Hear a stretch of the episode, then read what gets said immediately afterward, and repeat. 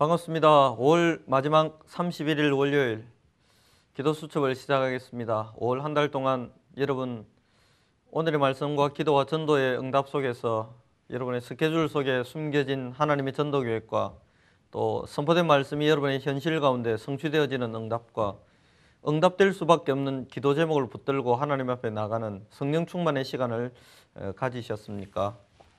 마지막 날입니다. 영적인 부분들을 점검하고 또 새로운 응답 속으로 들어가는 참된 시작이 여러분에게 있기를 바라면서 기도 수첩을 진행하겠습니다.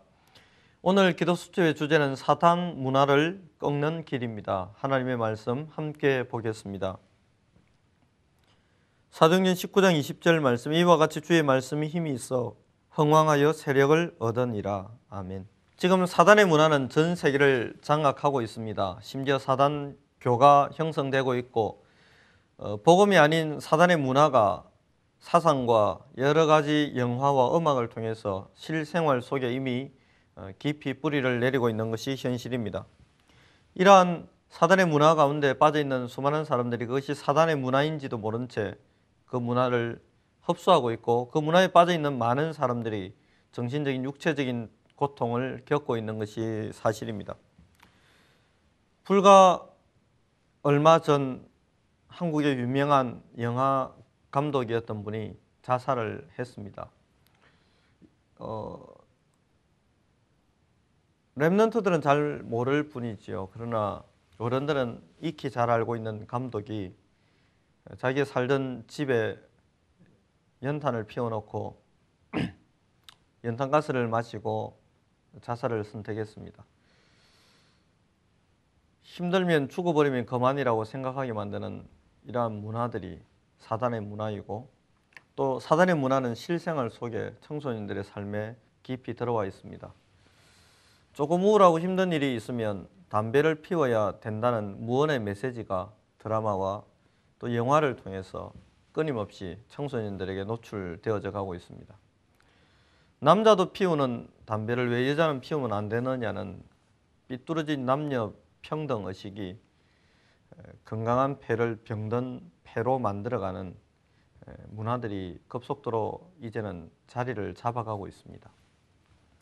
이러한 사단의 문화가 점점 점점 더 깊이 들어오고 있는 현실 가운데서 우리는 어떻게 사단의 문화를 끊고 또 사단의 문화 속에 빠져 있는 사람들을 건져낼 수 있을까요? 첫 번째 반드시 할 것입니다. 사단을 이기고 또 사단의 문화를 이기려면 반드시 해야 될 것이 있습니다. 그것이 무엇입니까? 제일 중요한 것은 이 모든 문제 속에 빠져갈 수밖에 없는 근원에 있는 흑암, 죄, 사단, 하나님을 떠나 있는 실존적인 문제를 해결하신 그리스도의 언약을 붙잡고 그리스도의 비밀을 누리는 것입니다. 정말로 그리스도의 비밀을 성경 그대로 누리기 시작한다면 저와 여러분은 완벽한 응답 속에서 우리 자신이 변화되는 축복을 누리게 될 것입니다.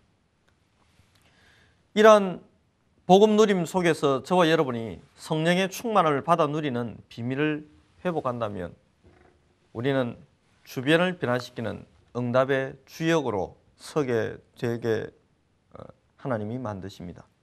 하나님께서 성령의 충만함을 받으면 권능을 받고 땅 끝까지 이르러 정인이 될 것이라고 약속하셨습니다.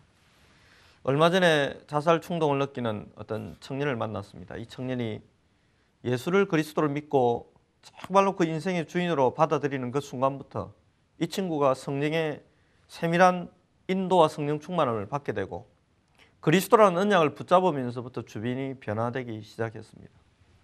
그리고 얼마 전 저는 그 가정을 방문해서 이 청년을 너무 잘 알고 있는 부모님에게 복음을 전했고 그 부모님이 예수님을 그리스도로 영접하고 이제 양육을 받으면서 교회에 오게 되는 그런 축복을 보게 되었습니다. 저와 여러분이 감사해야 할 것이 무엇입니까? 두 번째 감사할 것입니다. 반드시 해야 할 것은 그리스도의 언약을 붙들고 성령의 충만함을 회복하는 것이지요. 그렇다면 두 번째로 우리가 감사해야 할 부분이 무엇입니까? 저와 여러분의 인생 가운데 하나님이 감사해야 될 것들을 너무 많이 허락해 놓으셨습니다. 지금 당장은 그것이 문제처럼 보이고 어려움처럼 보일 수 있습니다. 그러나 그것 속에는 하나님의 어마어마한 계획이 숨겨져 있습니다. 저는 지방에 있는 대학을 나왔습니다. 그래서 늘 제 마음속에 지방 대학이라는 꼬리표가 제 마음에 우울함으로 대학 3년 동안 자리 잡고 있었습니다. 불과 3년 동안 자리 잡았던 그 우울함이 얼마 전 어, 현장에서 전도를 하다가 큰 감사와 응답으로 다시 한번 확인하게 되었습니다. 물론 복음을 받고 난 뒤에 그 학교에 대한 우울함은 저에게서 완전히 사라졌지만 깊은 감사가 나왔습니다. 종로에서 식당에서 지교회를 하는데 지교회 어떤 있는 아줌마가 와서 식사를 하고 있었습니다.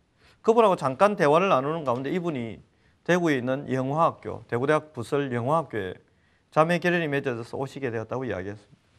그래서 제가 아무 생각 없이 그냥 제가 그 학교를 나왔고 특수교육을 전공했다고 이야기하니까 이 일본인 아줌마가 마음을 완전히 오픈해 버렸습니다. 그리고 이분과 복음에 대한 이야기가 주어졌습니다. 얼마 전에 다시 한번 확인해 보니까 이분이 일본어로 된 복음 자료, 전도 자료들, 다락방 자료들을 접하고 너무 감사해하고 이 자료들에 대해서 너무 기뻐하고 그리고는 다시 일본으로 가게 되는데 명함을 주셨어요. 제가 그 일들을 1년의 일들을 보면서 나의 과거 속에 하나님의 중요한 계획이 이미 숨겨져 있었구나. 나의 우울함 속에, 나의 고통 속에, 나의 절망 속에도 하나님은 영세전부터 전도의 계획을 놓고 내 인생을 이끌어 오셨구나. 다시 한번 감사를 해보게 되었습니다. 여러분은 어떻습니까? 지금 혹시 고통과 좌절과 절망 속에 벗어버리고 싶고 떨쳐버리고 싶은 문제들은 없습니까? 그 속에도 하나님의 숨겨진 전도 계획이 있음을 발견하는 축복이 있기를 바랍니다.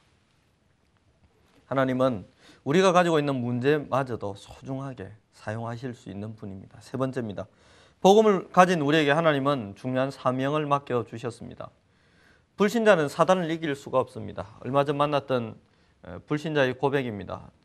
본인들이 15만 원부터 시작한 부적을 붙이기 시작했는데 어느 날 되니까 이게 300만 원, 500만 원, 700만 원까지 올라가더라는 것입니다. 그래서 결단하고 결심하고 부적을 떼서 그냥 불태워 버렸답니다. 불신자 일대입니다. 그리고는 인생의 내리막길을 걷기 시작했는데 완전히 망해버린 것입니다. 제가 이분들을 만나서 그 이야기를 했습니다. 행동은 참 바른 행동을 했지만 그때는 두 분에게 예수 생명이었고 예수 능력이었고 예수 근세가 없기 때문에 그렇게 하면 당연히 망하는 거라고 이야기했습니다. 이분들이 복음을 알아듣기 시작했습니다. 이분들이 예수님을 영접하고 나중에 영접한 부인은 눈물로 자신의 여러 가지 이야기들 하기 시작했습니다. 불신자는 스스로 사단의 근세에서 빠져나올 수가 없습니다. 불신자는 스스로 사단을 이길 수가 없습니다. 불신자는 운명에서 벗어날 수가 없습니다. 어쩌면 불신자는 영적인 문제를 가지고 사단의 문화에 그대로 노출되고 무방비 상태로 빠져들어가는 것이 정상일 것입니다. 그런 문화 속에 있는 사람들을 건져낼 수 있는 유일한 힘과 비밀은 저와 여러분에게는 있습니다. 이러한 사람들을 살릴 준비를 하는 실제적인 준비를 해야 하겠습니다.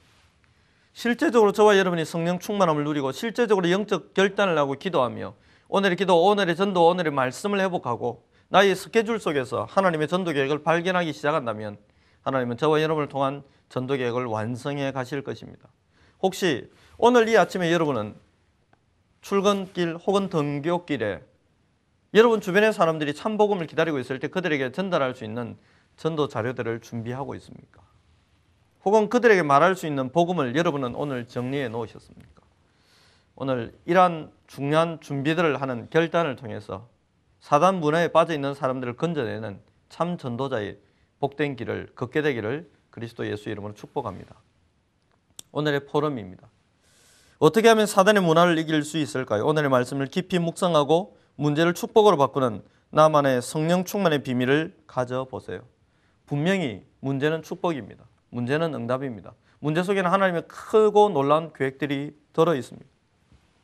이번 주 여러분의 인생 속에 강단의 말씀들은 무엇이었습니까? 여러분 본부 강단을 통해서 여러분 어떤 언약을 붙잡았고 개교회 강단을 통해서 어떤 언약을 붙잡았습니까? 현장의 전도자들을 위해서 주신 핵심 메시지를 통해서 여러분 어떤 기도 제목을 붙잡았습니까? 다시 한번 오늘의 말씀을 붙들고 참된 기도 속에서 승리케 되는 응답이 있기를 그리스도 예수 이름으로 축복합니다. 기도하겠습니다. 우리에게 유일한 그리스도의 해답을 주시고 그 그리스도를 누리는 성령 충만의 비밀 속으로 그 성령 충만을 회복하는 기도의 언약 속으로 우리를 인도하시는 하나님께 감사를 드립니다. 사단 문에 빠져 있어 망할 수밖에 없는 당연한 불신자들의 인생의 스케줄 속에 참 복음 가진 우리가 그들을 살릴 수 있는 성령의 인도 속으로 들어가기를 원하오니 오늘 종들을 주의 성령으로 충만케 하시고 세밀한 스케줄 속에 있는 전도를 발견하는 은혜를 주옵소서.